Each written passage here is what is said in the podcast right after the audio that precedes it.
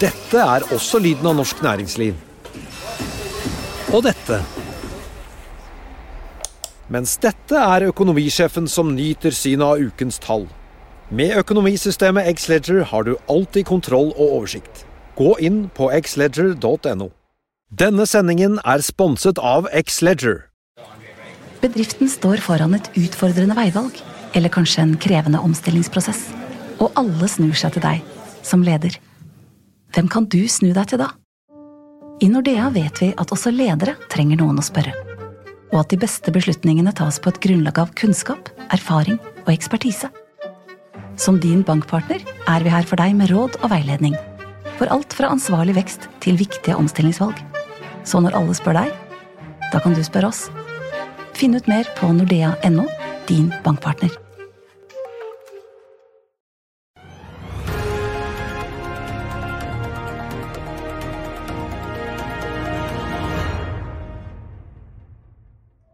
Velkommen til oss her i Finansavisen og Økonominyhetene på plass eh, på dag én på Paretos energikonferanse, som får vi si endelig er tilbake etter to år andre steder i pandemimodus. Men nå har de altså gjeninntatt Holmenkollen Park Scandic Hotel, som får anledningen nesten, får vi si, er eh, pusset opp. I dagens sending får vi med oss lederen for investment banking i Pareto Securities, Tormod Høiby, som skal fortelle oss hva som nå rører seg i kapitalmarkedet. Og vi får også besøk av eh, den snart eh, premiereklare Dolphin Drilling, som skal på Aeronex Growth nå i midten av oktober, men så starter tradingen på OTC-listen allerede i morgen. Men først la oss ta en titt på markedet akkurat nå. Hovedveksten på Oslo Børs har vært ned 1,3% på det aller meste i går, altså etter den verste dagen på Wall Street siden juni 2020. Noe av nedgangen har hentet seg litt inn igjen. Vi ligger nå ned 0,8% Har fått en liten bedring på flere av de store aksjene, inkludert Equinor, som nå er i pluss 0,7 og Nordsjøoljen den ligger inne med et fall på 0,6% til 92 dollar og 90 cent i eh, spotmarkedet. Ellers er det verdt å merke seg at eh, store aksjer ellers, som eh, PGS og Aker BP Aker BP opp 1,1, PGS opp 5,3. Ser også Nell som faller kraftig tilbake i dag, 7,2. Og så har vi selvfølgelig Autostore, som vi snakket om eh, tidligere i dag med Karl Johan, med 11,3% Og som Karl Johan påpekte, så har nok det noe å gjøre med det kraftige fallet vi så på flere tech-aksjer i USA i går. Dow Jones var jo ned 3,9% til slutt, Nasdaq ned 5,2 SMP ned 4,3 eh, da på disse inflasjonstallene, som endte på 8,3 eh, for august på årsbasis. Det var ventet at inflasjonen i USA skulle falle da fra 8,5 og ned til eh, rundt 8 blank, men det viste seg ikke å stemme. I tillegg til at da kjerneinflasjonen i USA tikket oppover fra 5,9 til 6,3% Vi skal ha med oss dagens første gjest og er straks tilbake. Paretos store fixer, jeg vet ikke om jeg kan kalle det det, leder for investment banking, Tormod eh, Høiby, pleier å få eh, disse selskapene den kapitalen de trenger og de eh, dealene som må på plass for å få ting til å skje. Hvordan vil du oppsummere dag én? Nei, først og fremst så er det jo veldig hyggelig nå etter å ha hatt uh, både ekstremt tunge markeder for, uh, innenfor energi en lang periode, uh, og ikke minst år med covid, og endelig være tilbake igjen på Holmenkollen, hvor vi hører til. Nyoppusset for anledningen, nesten. Nyoppusset ja. for anledningen, Smekkfullt av folk, god stemning. Jeg tror alle syns det er hyggelig å treffes igjen. man kan si mye positivt om om Teams og digitale møter, men, eh, men, det er noe helt annet å møte folk i gangene. Så veldig god stemning, eh, og egentlig et godt eh, jeg tror det er godt humør egentlig på tvers av alle selskapene, til tross for at vi jo står egentlig i et børsmarked og et totalmarked som er veldig utfordrende. Ja, eh, Gi oss en liten sånn smakebit av hva som rører seg. En ting er alle presentasjonene her, men det er jo også veldig mange investormøter. Vi hører jo mange av disse selskapstoppene skal inn til én-til-én-møter. Eh, hva er det på en måte, hva går praten om? Er det all volatiliteten eh, på børsene? Er det energikrisen i Europa? Hva er det liksom eh, som er de store bekymringene som eh, eventuelt legger en demper på den gode stemningen? Jo, det er jo en av de tingene som jeg tror mange av de større institusjonene gjør at de kommer hit, er jo muligheten til å treffe selskapene én til én. Uh, og at de har muligheten til å sitte ned og diskutere. Og jeg tror nok at hoveddelen av diskusjonene de har da, går rundt hvordan selskapets drift er, hvordan den biten er, istedenfor makro, som jo dekkes i mange andre kanaler. Så mesteparten av dette det er vel 1200 én-til-én-møter. og mye av det er jo rett og slett en dialog mellom selskapet og sine egne aksjonærer om hva, hva de ser av uh, muligheter og trusler i et, uh, et volatilt, men spennende marked. Du var jo med oss i fjor. Da var, ja. jo, da var det jo på Fornebu en litt sånn hybridløsning. Mm. Nå har dere jo tvunget folk til å komme hit fysisk. Det... Forsikt, forsiktig start på å vende tilbake til det fysiske i fjor, ja. Så nå har folk valfartet inn, hører jeg ja. i hvert fall ut fra alle språkene i gangene her, så har de valfartet inn fra, fra hele verden. Ja. I fjor så snakket vi jo litt om at uh, i 2020 var det en veldig sånn, grønn og vekstbølge inne på børs. Mange børsnoteringer. I fjor litt mer modenhet. Og du var faktisk inne på at ja, grønn fornybar energi har jo faktisk blitt billigere i de fleste tilfeller enn fossil. Ja.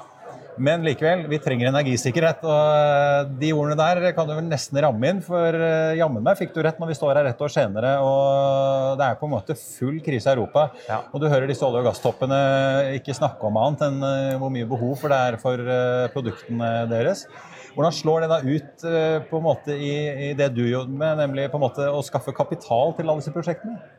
Nei, Det varierer veldig. og Vi står samtidig i et ekstremt eh, volatilt uh, kapitalmarked. Uh, og det er jo flere uh, vektorer i det. På den ene siden så er det jo sånn at de enormt høye energiprisene vi ser en ordentlig krise i Europa nå, det fører jo til også en stor subsidie på en måte av fornybart, så det er en voldsom vekst inn i det fornybare. Eh, og vi var jo konkurransedyktige kilder for energi for et år siden. Nå er det jo det i enda mye større grad. Men eh, forsyningsproblemer, forsyningskjeden, tiden det tar å utvikle, det gjør jo at det er jo ikke noen fiks for energiproblemene særlig Europa står oppi, men i verden også i, på, i løpet av det neste året årene så, så, må vi jo gjøre mer på den eh, fossile siden. Ser vi på eh, det litt pussige oppi det, er jo at kapitalmarkedene tror ikke at, forny, at uh, fossilt skal være med oss veldig lenge. Og Det ser du veldig tydelig reflektert i prisingen. sånn at Hvis du ser de store oljeselskapene, sånn som f.eks. Shell, så er jo de nede på PE5, et uhørt tall for inntil nylig. Og det er jo Markedet forteller oss da at de ekstremt høye prisene vi ser på nå, det er, eh, varer ikke så lenge. Vi hadde jo, vi hadde jo Tor Olav Trøim her som eh, selverklært eh, hydrokarbonist, ja, eller hva han kaller seg. Absolutt. Glede å ha Tor Olav her. Ja. Han snakket jo sant, varmt om den supersyklusen han ser bygge seg opp, kan ja. vel egentlig si. Men det du sier at markedet priser egentlig ikke det inn, da? Markedet priser ikke det inn. så Hvis du ser på prisingen av Oil Service er jo et derivat litt lenger ute på risikokurven, men, men, så det enkleste er å se hvordan oljeselskapene prises og hvilken dividend du får der. Så er det jo helt tydelig at markedet ikke tror at disse prisene varer over tid. Eh, så, så, markedet er, eh, føler seg forsiktig fram, og det er ikke noen sånn stor overbevisning. Ikke, ikke en rush inn i den fossile sektoren, sånn som vi ville sett hvis markedet så likt ut som det gjør nå for 15 år siden. Da hadde kursene gått til et helt annet nivå, øh, og emisjoner og øh, ny vekst hadde kommet. Nå ser det jo ikke uten at det skal bygges nytt utstyr i nesten ja, noen sektorer. Si, ser du at uh, riggselskaper, uh, supply-rederier, at noen av de ringer et eneste verft omtrent? Verftene har ikke lyst til å bygge. Uh, rederne har ikke råd til å bygge, og investorene vil ikke at de skal bygge. Så det tror jeg sitter veldig langt inne. Så jeg tror ikke vi får, kan nok få litt få et sånt utstyrsmarked i oil service som minner litt om bilflåten på Cuba. Altså du må klare deg med det du har. Holde gående med det du har. Du må holde deg gående med det du har. Det har jo klart det veldig lenge. Det har fungert utmerket marked, og det tror jeg er litt det vi, vi, vi står overfor. Ser du på rigger f.eks., som er det enkleste å se på i forhold til eh, oil service-markedet, så er det jo på en måte bygget rigger tidlig på 70-tallet, tidlig på 80-tallet og i den forrige bølgen vi hadde nå på 2000-tallet. Så det er ikke det normale heller at det bygges hele tiden. Men det er jo ikke bare innenfor energiprodusentene og innenfor eh, kall det oil service-biten, men du ser jo også at eh, at shipping også nyter jo ekstremt godt nå av, særlig på transport av energi. da, av de disruptions. LNG-produkt. Ja. Ikke LPG, faktisk, men eh, råolje tror alle kommer, så alle holder seg fast i stolen og venter på det. Eh, produkt er ekstremt bra. LNG er jo et eventyr, osv. Så, videre, og så, så, så det er eh, stor optimisme innenfor mange av de næringene som rett og slett kalles, skyldes disruptions i handelsmønsteret. Men da er det egentlig en ganske stor bet som går da, om dette er kortvarig, eller om Tor Olav Trøim får rett, og, og, at dette faktisk er en supersyklus. For da vil jo de som sitter posisjonert i dette her, som han og andre, få ikke bare få to-tre år, men få en veldig hyggelig reise veldig, veldig i mange mange, mange år. Da. For du kan jo ikke hoste disse riggene og disse supply-båtene og drillskipene og alt mulig på kort varsel. Nei, det tar lang tid. Og, og, men så er det jo viktig å huske på at en del av dette, sant, den kompetansen og de samme folkene som har jobbet, jobbet, med dette for 15 år siden, de er ikke der lenger. Så det er ikke bare utstyr, men det er også folk som gjør at det er vanskelig å øke øh, aktivitetsnivået betydelig fra de nivåene vi er, vi er på nå. Så, så det er øh, stramt mange steder. Men, men, jeg tror det er viktig å ikke glemme fornybart også oppe i dette. For det er klart at det underliggende nå er at fornybart som var lønnsomt for, siden, for et år siden,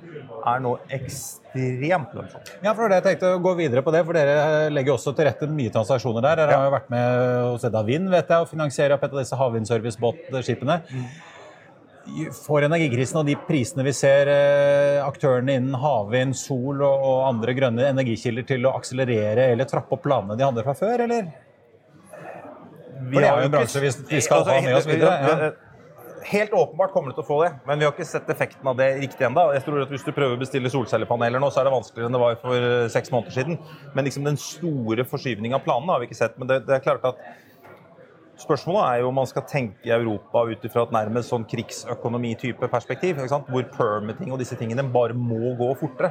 Hvis du har, eh, Vi prøvde å illustrere på åpningen litt i dag hvor lang tid det tar å utvikle disse prosjektene. Hvis du skal gjøre det på den vanlige problematikken hvor alle er redd for 'not in my backyard' osv., så, videre, så kan disse prosjektene ta syv til ti år. Spørsmålet har vi, har vi så god tid, eller skal vi gjøre dette fortere? Eh, det er utrolig hva man får til hvis man virkelig bestemmer seg for det. Det så man jo på utviklingen av eh, norsk sokkel for for 50 år siden, og at man kan få til veldig mye mer på fornybart eh, enn det det ligger planer for nå, det er vi ganske sikre på. Eh, og at det kommer mer. Og vi ser vel også at EU, til tross for at de nå prøver å få tak på substitutter for, russisk gass, også trykker godt på for å få mer fornybart. Det er jo den måten Europa kan bli truly independent på lang sikt, eh, ja. på lang sikt ved at energien genereres i Europa og skal ikke transporteres fra et annet sted i verden. Kort til slutt, vi, Dere driver jo innenfor eh, alt i kapitalmarkedet, ikke bare energi, selv om det er, dere er veldig gode og kjent for. Eh, men vi ser jo en del tegn fra USA. JP Morgan, Goldman Sachs snakker om lavere deal-inntekter, og Goldman skal nedbemanne litt. Vi vet jo også at det er en del børsnoteringer i pipeline som det har vært annonsert at skal komme i Norge. Mm. Være det seg Able, vi skal snakke med Dolphy Dealing her straks, som, som, på en måte kommer i midten av oktober. Ja. Able har sagt de, de kommer uklart tidspunkt. Mm. Hydro sitt fornybarselskap Rein kommer uklart tidspunkt, kanskje i år. Mm. Hvordan ser resten av kapitalmarkedet ut og appetitten for børsnoteringer og, og store emisjoner utenom da olje og gass, hvor det åpenbart går så det griner? Altså, Børsnoteringen er jo liksom den ekstremsporten i kapitalmarkedet. Da skal liksom all the stars være litt aligned for å få det til.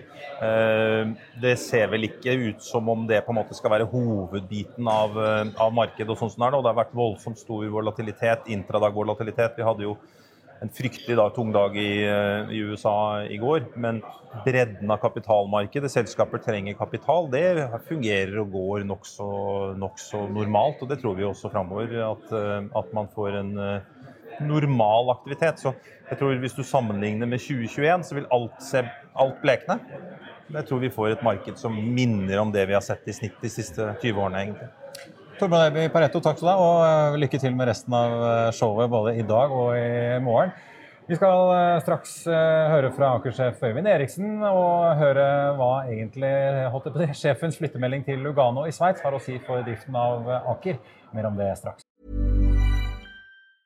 Ready to pop the question and take advantage of 30% off? The jewelers at Bluenile.com have got sparkle down to a science with beautiful lab grown diamonds worthy of your most brilliant moments. Their lab grown diamonds are independently graded and guaranteed identical to natural diamonds, and they're ready to ship to your door. Go to Bluenile.com to get 30% off select lab grown diamonds. That's Bluenile.com for 30% off lab grown diamonds. Bluenile.com. Dette er også lyden av norsk næringsliv. Og dette. Mens dette er økonomisjefen som nyter synet av ukens tall.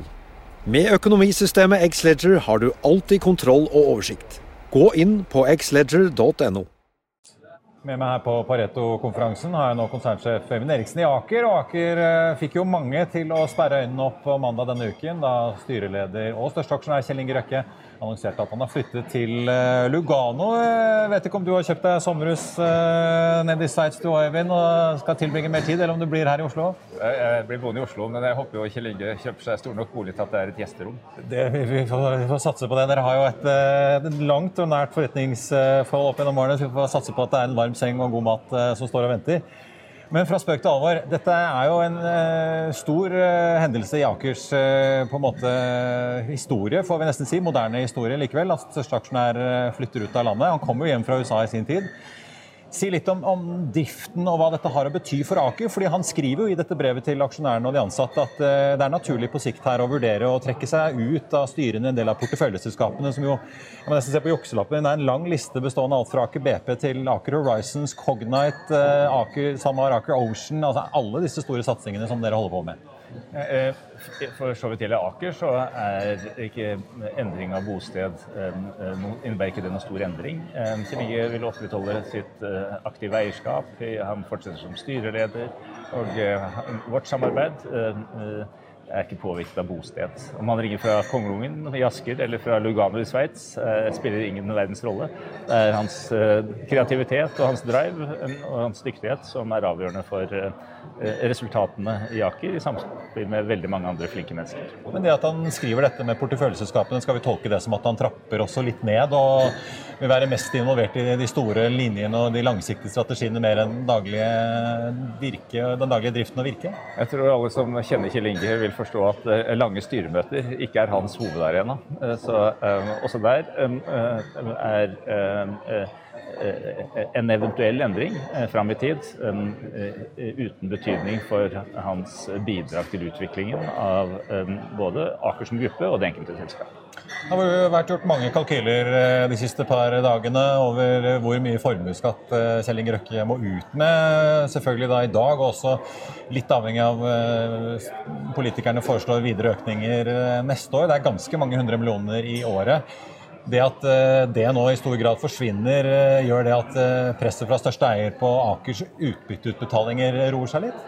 Nei, Akers utbyttepolitikk, som er å utbetale 2-4 av verdijustert egenkapital i utbytte våre aksjonærer i, i, i, året, den har ligget fast siden 2004 og endres ikke som følge av dette. Så det er den, det eventuelle tilleggsutbyttet som måtte til for å betale private skatteregninger. Så det er penger nå som blir værende i Aker, og som Aker kan investere i industriutvikling, arbeidsplasser og verdiskapning til beste for våre aksjonærer. Så er eh, Skattedebatten den er i beste fall misvisende. For ingen enkeltperson bidrar eh, mer til det norske fellesskapet enn Kjell Inge Røkke, selv om han har flyttet til Lugano. Bedrifter han kontrollerer, er Norges største private skattebetaler. Og Aker BP alene vil betale i år over 70 milliarder norske kroner til fellesskapet i skatt. Og selv om oljeprisen faller til 65 dollar fatet, så kommer um, Aker BP til å betale over 400 milliarder kroner i skatt de neste årene. Og Det kommer i tillegg til alt det andre positive som gjøres. Vi investerer 150 milliarder eh, de neste fem årene på um, um, norsk sokkel. Vi skaper 145 000 Eh, årsverk eh, gjennom de 18 feltutbyggingene som vi holder på med. Og vi øker produksjonen betydelig eh, til noen av de laveste kostnadene og laveste utslippene i verden. Og på den måten så kan vi bidra ikke bare til det norske fellesskapet, men både til energisikkerhet og omstilling i Europa. Bare til slutt for å ta det med skatt. Altså det, I tillegg til formuesskatt er det jo lagt på bordet et forslag om eh, sjablongbeskatning av formuesgoder, private formuesgoder i selskap. Eh, mest aktuelt for Aker er jo kanskje eh, dette privatflyet som Aker bruker i eh, jobbreiser, eh, og også kanskje Rev Ocean, som jo ligger i en egen organisasjon, men likevel et kostbart skip som skal brukes både privat og til forskning. Har har det, har det forslaget ligget inne i kalkylen her? Det er jo helheten som, uh, helhetsvurderingen som har um, uh, ført til flyttebeslutningen. Og det er mange flere og atskillig mer kompliserte hensyn privat enn de forretningsmessige og skattemessige vurderingene. Men for så vidt gjelder Aker, så er det riktig at vi har et fly som i det alt vesentlige brukes til å skape nye muligheter og nye verdier i Aker. Og det oppleves som litt merkelig at et, det flyet skal beskattes av en hovedeier når eh, eh hovedeieren de få gangene han bruker det privat, betaler eh, markedspris og vel så det eh, for sin e egen bruk. Så det er, annet, eh, eh det, er en annen debatt. Jeg tror ikke Kjell Inge har flyttet pga. det. Men det i det større bildet så er for meg den viktige diskusjonen det er ikke skatt, men det er hvordan vi legger til rette for flere eiermiljøer i Norge som ønsker å investere i stor skala i industri- og næringslivsutvikling, sånn at Norge får flere ben å stå på i framtida og høyere skatteinntekter. Litt, altså, så Aker har jo en ganske god standing kan vi vel si, i store deler av fagbevegelsen. Dere har jo ikke bare skapt masse arbeidsplasser, men dere investerer jo også i mye ny verdiskapning. Dere har jo gode forbindelser eh, inn i LO og Arbeiderpartiet og har jo vært en sentral del av mange av de på en måte store eh, næringslivsforlikene mellom NHO, LO og industrien og politikerne opp gjennom årene i ulike opp- og nedturer. Senest så, så vi det under koronapandemien, da man fikk på plass eh, denne oljeskattepakken som skulle sikre aktiviteten på sokkelen. Kan denne flyttingen, når vi nå ser reaksjonene ikke bare fra LO-lederen, men også konserntillitsvalgte Atle Tranøy, eh, ødelegge litt av den standingen dere har? Jeg håper og tror at ikke det er tilfellet. Standingen er knyttet til um, industribedriftene og um, den rollen de spiller i, i Norge generelt og i lokalsamfunn uh, spesielt. Og eh, alle diskusjoner med politikere og andre myndighetsrepresentanter som jeg tar del i, eh, dreier seg om hvordan vi samarbeider for å bevare og utvikle eh, industri i Norge. Og eh, jeg vil bli veldig overrasket hvis en hovedaksjonærs bosted endrer den dialogen. Da er vi tilbake med en eh, som i hvert fall de som kjenner riggbransjen kjenner godt, og eh, som nå leder et selskap som også mange vil trekke kjensel på. Eh, Bjørnar Iversen, mange husker deg fra tiden i Songa Offshore, som jo forsvant inn i TransOcean. Nå leder du Dolphin Drilling som jo skal på OTC-listen i morgen og gjøre ordentlig børspremiere får vi si, i midten av oktober. Hvis alt går som det skal på Euronext Growth. Velkommen. Tusen takk. Det er veldig godt å være tilbake. Ja, for det er veldig godt å være Pareto-folket som er strålende for det. Hvordan syns du det er å være tilbake? Jeg syns det er helt fantastisk. Og det er jo klart at det å få lov å ta Dolphin tilbake på børs igjen her nå, det er noe vi har gledd oss til veldig veldig lenge.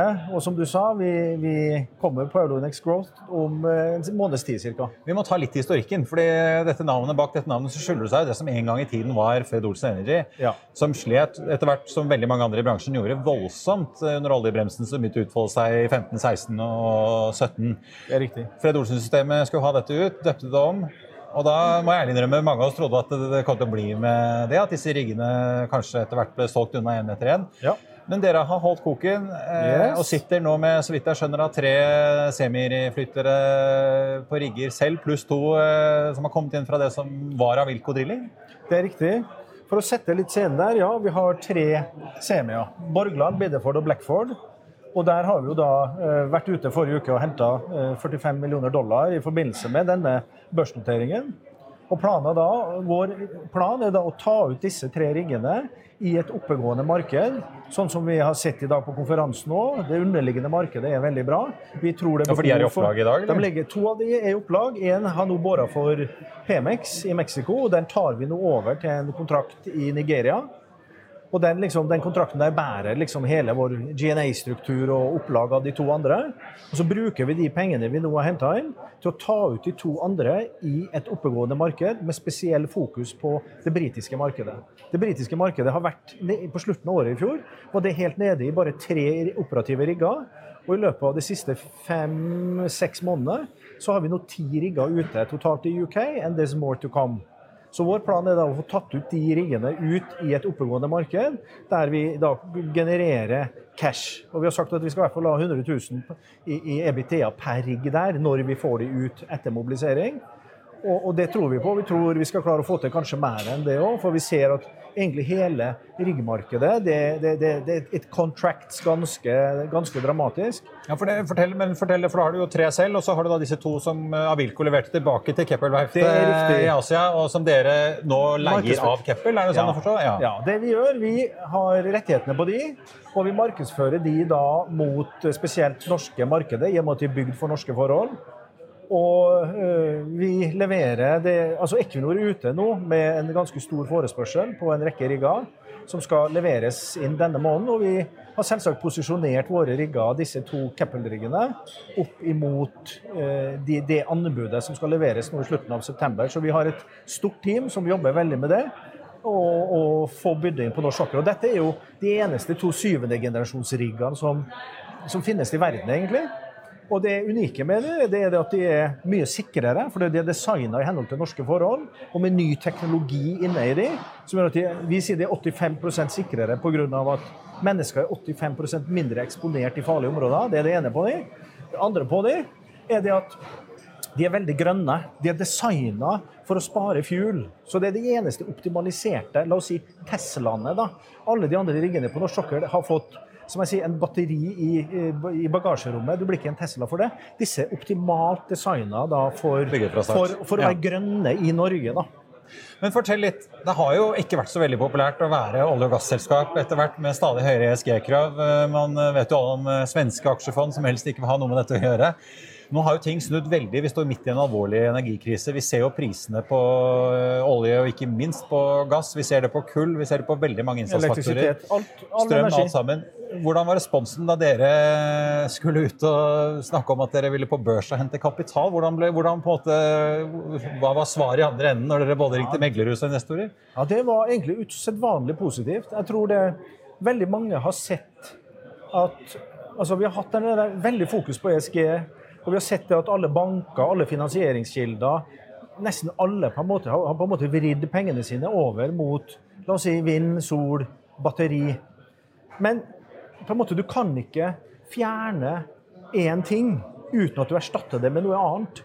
Så på en måte, Hvor mange flytende vindmøller har vi i Norge i dag? Jo, vi har én pilotmølle. Men vi oppfører oss som om vi har en drøss av det. Så det er klart at klart at Uten at du har erstatta energien fra noe til noe, og hvis du trekker ut investeringene på det området som du er helt avhengig av i dag, ja, veit du hva du får da? Da får du energiknapphet, og du får priser som går skyrocketing high.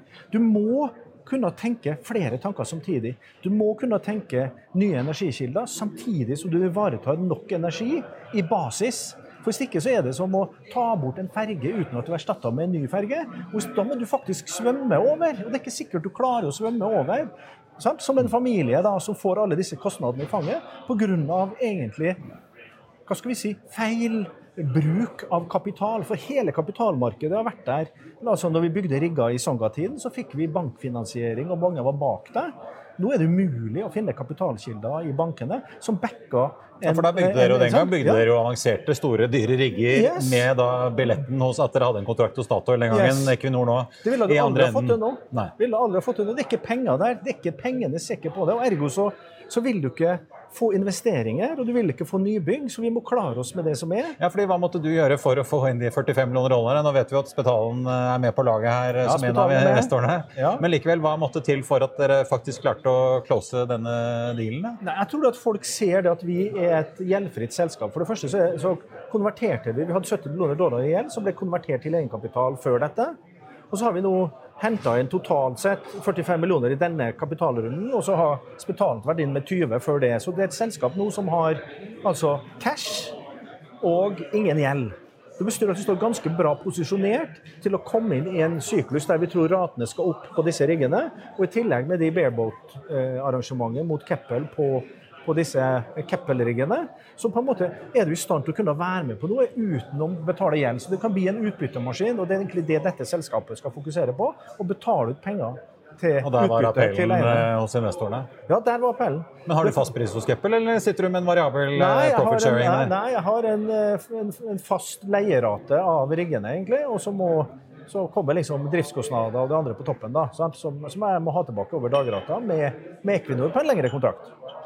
Fortell litt om, om uh, veien videre. Altså, la oss begynne med Disse riggene skal jo ut i drift. Uh, Valaris-sjefen, uh, tidligere Sidril-sjef Anton Dimovic står jo nede på podiet her i sted og skrøt av hvordan de hadde klart å reaktivere rigger ja. på tid og kost. Det er jo lettere sagt enn gjort med mange av disse riggene og supply-båtene som har vært i opplag i mange mange år. Det, hvor stor er risikoen for at dere på en måte ikke klarer å holde tid og budsjett her, sånn som dere har lagt opp til? Hvis du tenker, Vi tok ut Blackford, som nå har vært i Mexico, tok vi ut på tid og kost for to år siden, før vi gikk inn i den PMX-kontrakten. Vi brukte 70 dager, og vi brukte 15 millioner dollar, sånn cirka. Sant? Ganske bra. Og disse riggene, altså, du kan, altså Dolphin har alltid hatt noe som kalles et smart stack-regime. Det betyr at vi har et crew som går de er to uker på, og så er de fire uker hjemme, to uker på. Og disse går og kjører systemene og alle generatorsjettene og smører alle smøremidler og alt ja. Så, så riggene har aldri vært kalde. Det betyr at systemene har alltid gått. Det har vært som et hus du hadde en vaktmester som har sjekka og fiksa alt. Og la varmen stå på 10 grader om vinteren, Ja, 10 grader på vinteren.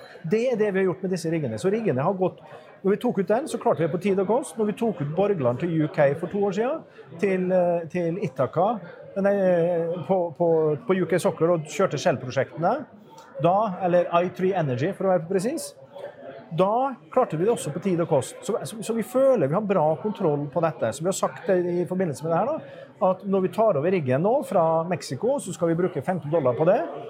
Når vi mobiliserer Borgland til UK, som vi tror vi, han kommer til å ende på, så kommer vi til å bruke rundt 20.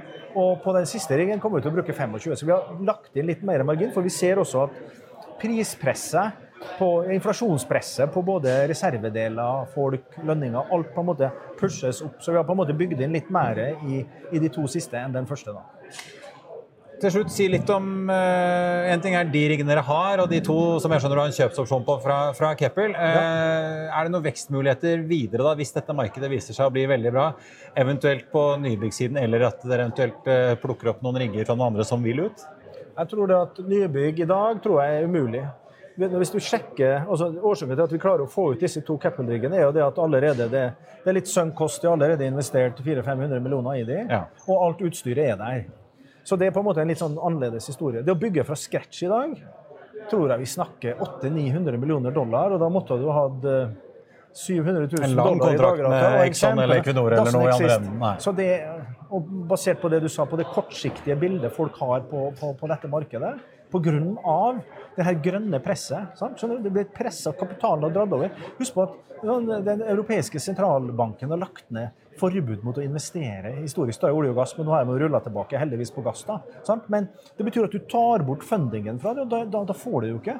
Og det gjør de før de har bygd nok sol og vind og grønn kapasitet.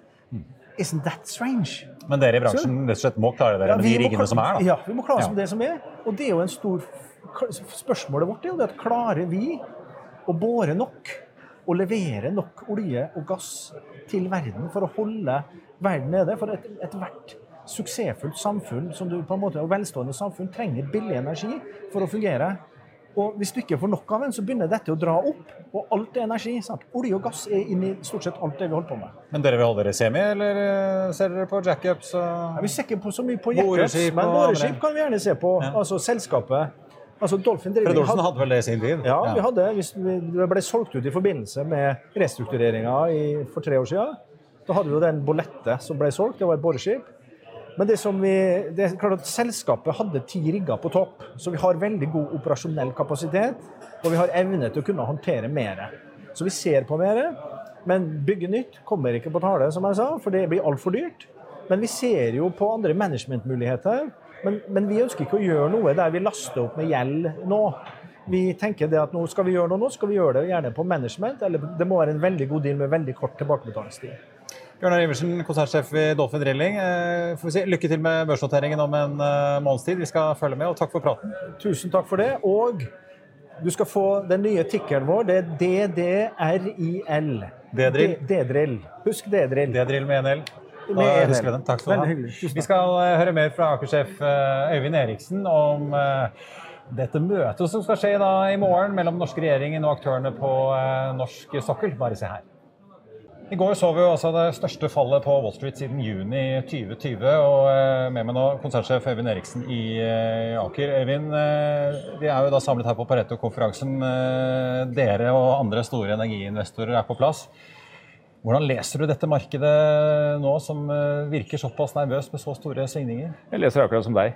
Det er veldig eh, eh, nervøst, veldig svingende og veldig uforutsigbart. Og Det har vært for Aker viktig å forberede seg for. Vi visste ikke at det skulle komme en pandemi, vi visste ikke at det skulle bli krig i Europa. Men vi visste at det kom til å skje ting som vi ikke evnet å forutse. Og eh, Derfor så styrket vi Akers balanse. Veldig lav gjeld.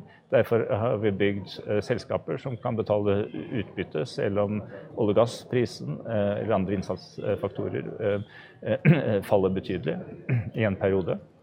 Så For Aker så er det viktig at vi står bunnsolid til tross for markedssvingningene. Og um, forhåpentligvis så klarer vi også denne gangen å vende det til en mulighet for Aker. Men gjør dette, Dere investerer i fornybar energi, olje- og gassteknologi. Eh, gjør dette at uh, dere strammer opp kravene og er mer forsiktige før dere trykker på grønt lys, før dere sanksjonerer en investering eller uh, går inn i en ny uh, annen investering? Generelt så er det stø kurs i Aker. Aker BP fortsetter å investere. Um, 18 store feltutbygginger, 150 milliarder investeringer, betydelig produksjonsøkning både av olje og gass um, i løpet av de neste fem årene. Eh, Cognite annonserte i dag en kjempeavtale med Schlumberger, hvor vi eh, skal samarbeide om soft digitalisering av energisektoren framover.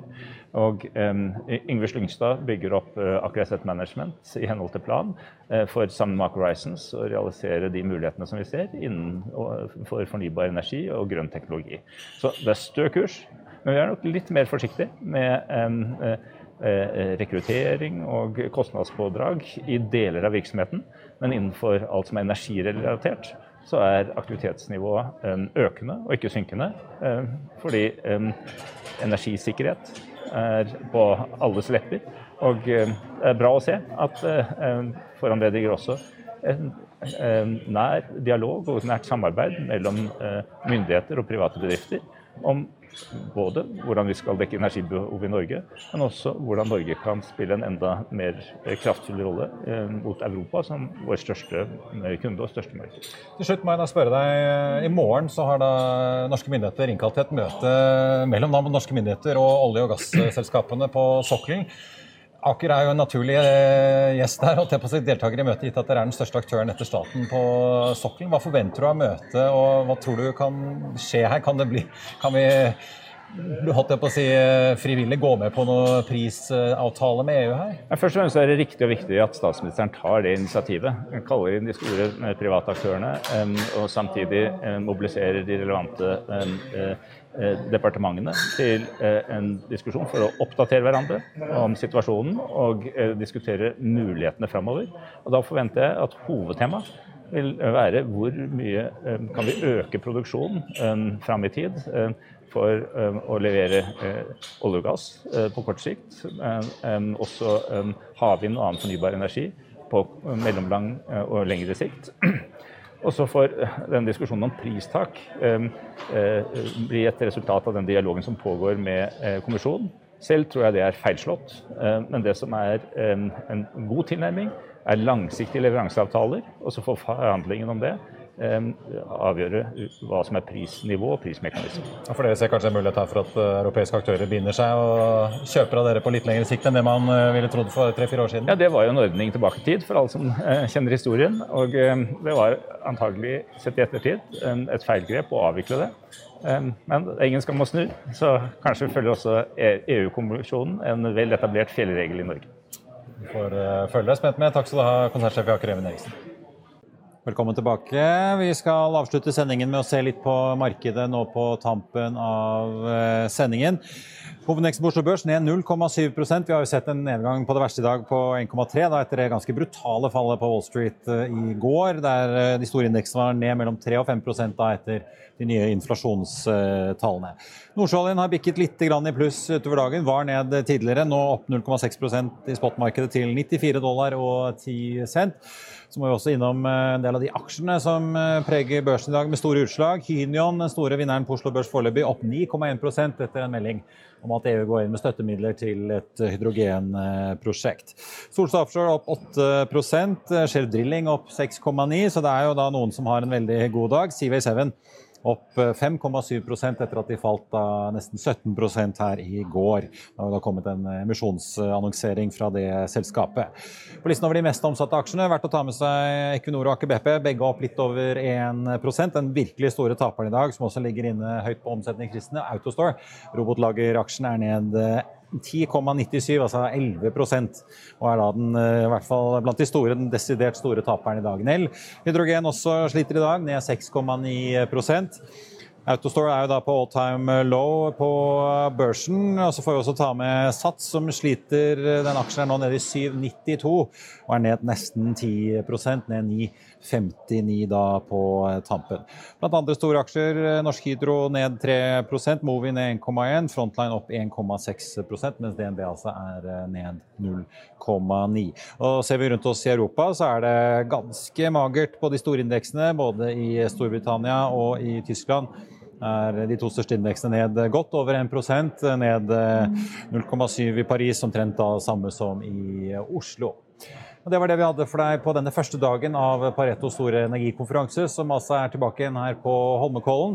I morgen eh, så er vi på plass igjen fra 08.55 med shippinganalytiker Eirik Håvasen. Og så får vi også med oss batterisjefen i Hydro. Så blir det Økonominyhetene klokken 14.30. Da får vi med oss eh, bl.a. Otovo-sjef Andreas Thorsheim. Torsheim. Husk at du som alltid får siste nytt på fa.no gjennom hele døgnet, og at du kan høre sendingene våre ved å søke opp Finansavisen eller Økonominyhetene i Apple, Spotify eller der du hører på podkast. Mitt navn er eh, Marius Thorensen. Takk for følget i dag, og så håper jeg vi ses igjen i morgen.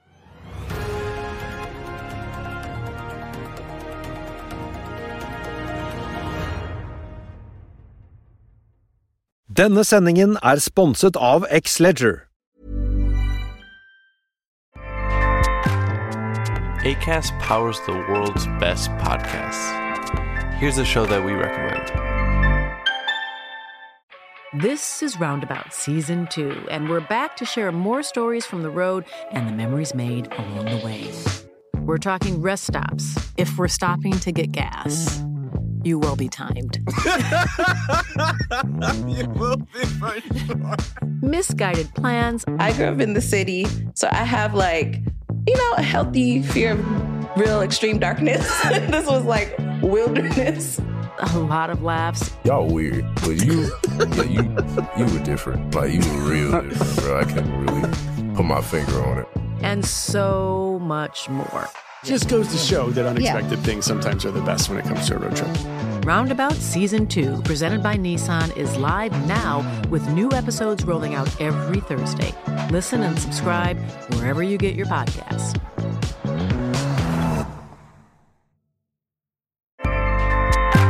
ACAST helps creators launch, grow, and monetize their podcasts everywhere. ACAST.com.